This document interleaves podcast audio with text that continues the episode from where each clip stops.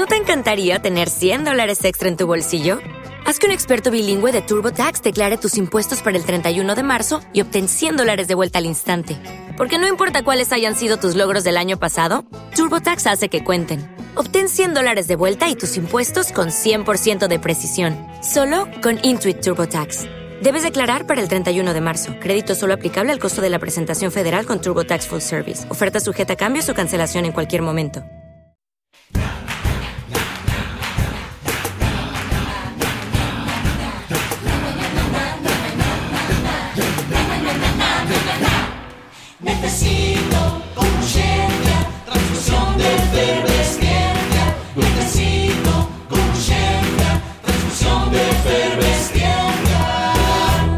agora toca Postal Planetaria con Borja Tosar.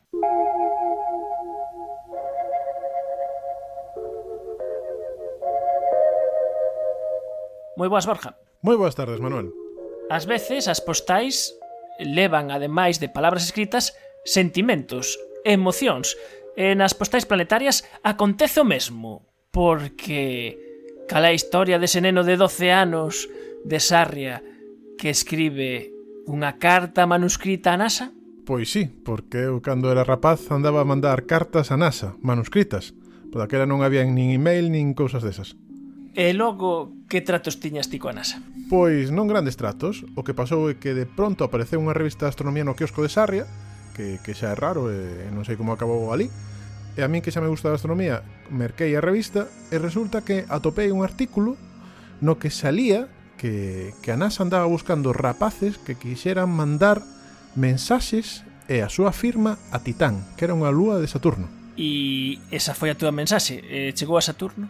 Pois sí. Eh, bueno, a historia foi super chula porque eh, resulta que, que daquela non había correo electrónico, nin había nada. Estamos falando da salida da Expo 92 e eh, eh, da salida da, das Olimpiadas de Barcelona. Entonces, Collín fixen unha carta, que ademais a carta empezaba por Sorry for my grammatical errors, eh, levei na oficina de correos de Sarria e pedinlle a tipa que, que quería mandar unha carta ao Jet Propulsion Laboratory da NASA porque quería mandar mensaxe a Titán. Entonces, a tía que non, non sabía moi ben o que pasaba, pois pues dixo, bueno, pois pues, mandamos a carta a Jet Propulsion Laboratory. Meses despois, cando, cando xa non me acordaba nada do tema, Pois resulta que a miña nai de pronto na casa pegou un berrido chamando por min, pero, pero espectacular. Eu pensara que ademais era o típico berrido de cando rompo algo. Entonces baixei da casa e, e atopeime a miña nai cunha carta enorme nas mans da NASA. Eu flipando e a miña nai o que me dixo é pero que arroto. roto.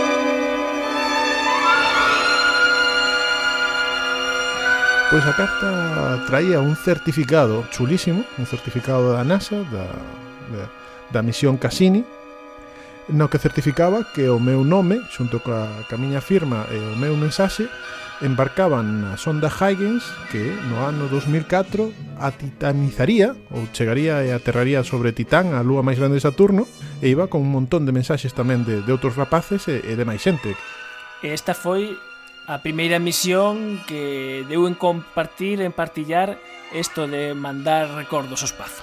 Foi a primeira. Eh, fíxose porque resulta que a NASA detectou que cando os enxeñeiros facían as misións espaciais e facían as ondas, eh, evitar coller un destornillador ou algo punzante e, e deixar as súas iniciales nalgún sitio así un pouco escondido das naves ou, ou deixar algún tipo de mensaxe pequeniña, feito así como rayado con, con destornillador, entonces cando detectou isto dixo, pois mira, vamos a, a facelo ben para que non anden os enxeñeiros rayando as ondas.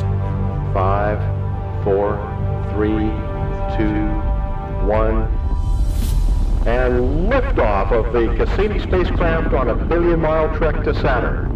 We have cleared the tower. E de todos estes anos de exploración espacial en Saturno, en Titán, da misión Cassini-Huygens, Os científicos teñen tirado morea de datos e de nova información.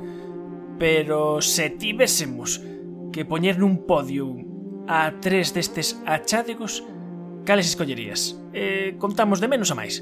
Pois de menos, eu creo que o furacán, o tremendo furacán e o hexágono, o, o, o tipo de asociación de tormentas que hai no polo norte de Saturno, que fai que xusto no polo norte de Saturno eh, exista un furacán duns 2000 km de diámetro e ao redor dese furacán, por diversas asociacións de tormentas, resulta que se forma un hexágono casi perfecto.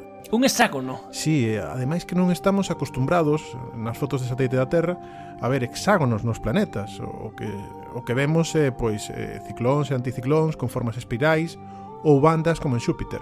Sen embargo, en Saturno ocorre este hexágono que aínda é bastante misterioso.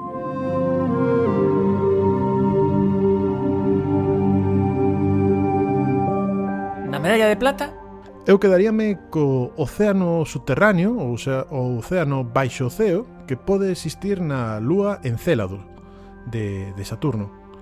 Ali hai unha lúa que está totalmente conxelada, toda a súa superficie de xeo, e debaixo dese, dese xeo, debaixo de kilómetros de xeo, hai cada vez máis evidencias que, que falan de, de que pode haber un océano de auga líquida eh, e que ese océano de auga líquida pode estar en contacto con algún tipo de, de chan no que existan algún tipo de volcáns moi parecidos aos volcáns submarinos que hai na, no fondo dos océanos da Terra.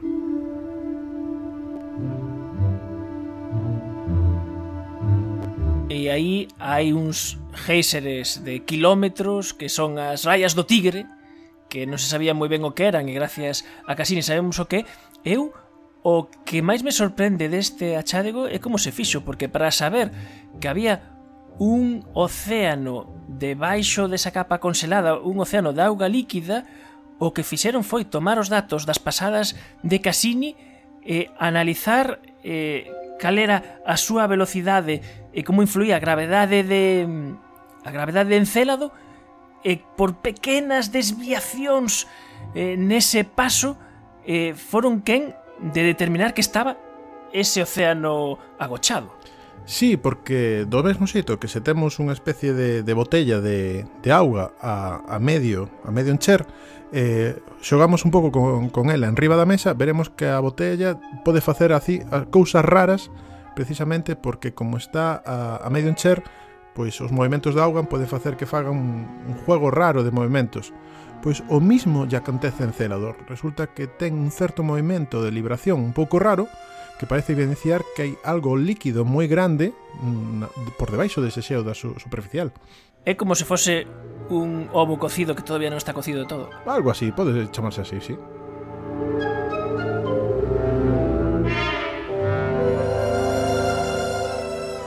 e a túa medalla de ouro eh, da misión de Cassini, que é unha misión da NASA na que tamén participou a esa coa sonda Huygens, cale o teu favorito? Eu quedaríame cos océanos de metano líquido de Titán, a lúa máis grande de Saturno. Era algo que xa se sospeitaba, os océanos de, de metano líquido.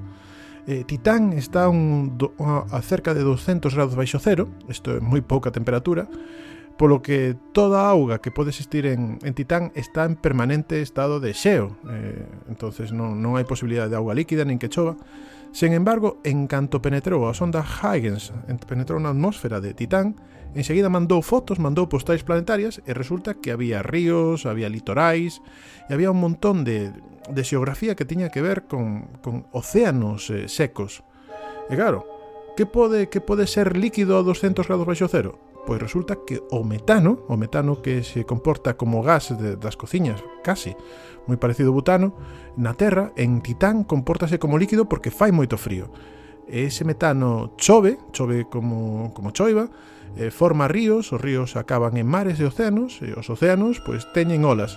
E, e precisamente da, da hipótese de que poda haber olas en Titán nos océanos de metano, e de que se poda facer surf en Titán, sale o, o blog Surf Titán o blog Sulfitán de Borja Tosar onde contas todas estas cousas eh, de astronomía e todas as postais planetarias. Sin publicidade aí, a tope.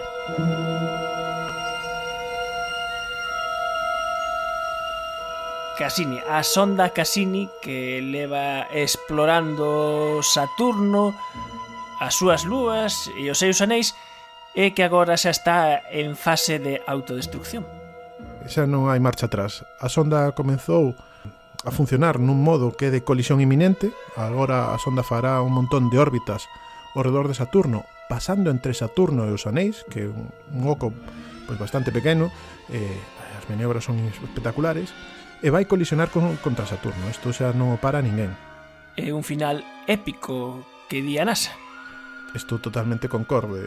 É un final épico. A NASA e te dice que que ao final é porque teñen medo de que se, se, se a sonda Cassini impacta contra Titán ou impacta con Encélado, pode contaminar esos mundos que as bacterias que seguro trae da Terra de, de non estar totalmente limpa cando se, cando se lanzou que seguramente, aínda que se tomaron precaucións pois, algún microbio leva pois para evitar a contaminación deses mundos dice, pois vamos a estupar esta sonda contra Saturno así evitamos a contaminación pero a verdade é que é un final científicamente super interesante e moi espectacular porque a sonda penetrará dentro da atmósfera de Saturno intentando saber máis das tormentas de Saturno, de como se comporta a atmósfera e de como é o núcleo de Saturno, que non teñemos nin idea, transmitindo esa información un minuto clave á Terra, non?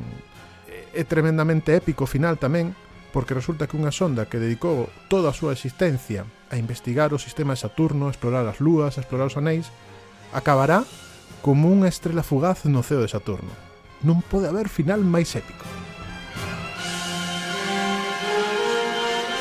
Borja Tosar, moitas grazas por esta postal planetaria. Moitas grazas a ti, Manuel.